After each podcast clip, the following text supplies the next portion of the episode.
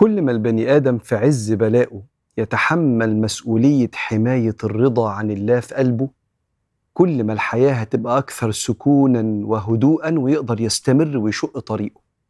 وشقة الطريق دي بإذن الله يكون فيها رفع البلاء.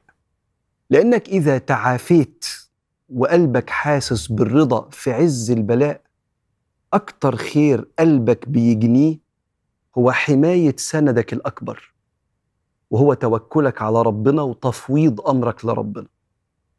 الحياة عبء تقيل لو مش ساندين فيها على رب العالمين سبحانه وتعالى.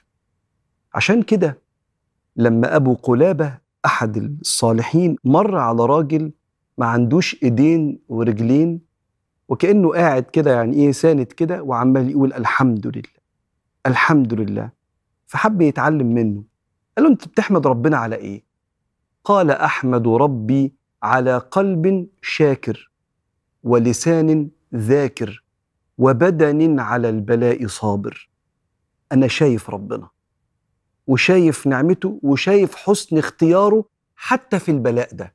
وبالمناسبة من علامات التعافي إنك تشوف إيجابيات أو أقول لك حكم جوه البلوى اللي أنت فيها. فما يتهدمش سندك الأكبر توكلك على ربنا سبحانه وتعالى. عشان كده سيدنا النبي كان بيساعدنا ويقول لنا قلبك دايما يحس بالسند في عز البلاء. فإذا ابتليت فقل اللهم رحمتك أرجو فلا تكلني إلى نفسي طرفة عين وأصلح لي شأني كله لا إله إلا أنت. عارف معنى الذكر ده؟ معنى الذكر ده إنك أنت قلبك ممتلئ بالسكينة لاختيار ربنا. أعانهم على تحمل أقداره شهودهم حسن اختياره.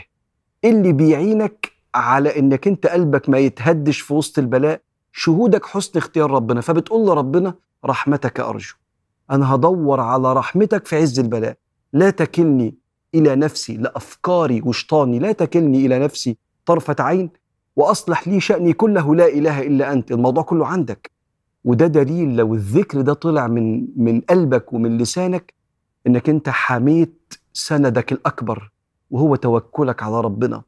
وده أكبر خير أنت بتجنيه وبتحافظ عليه لو مشيت في رحلة التعافي وترميم وإعادة بناء من كسر من قلبك في البلاء وحرمك من الرضا.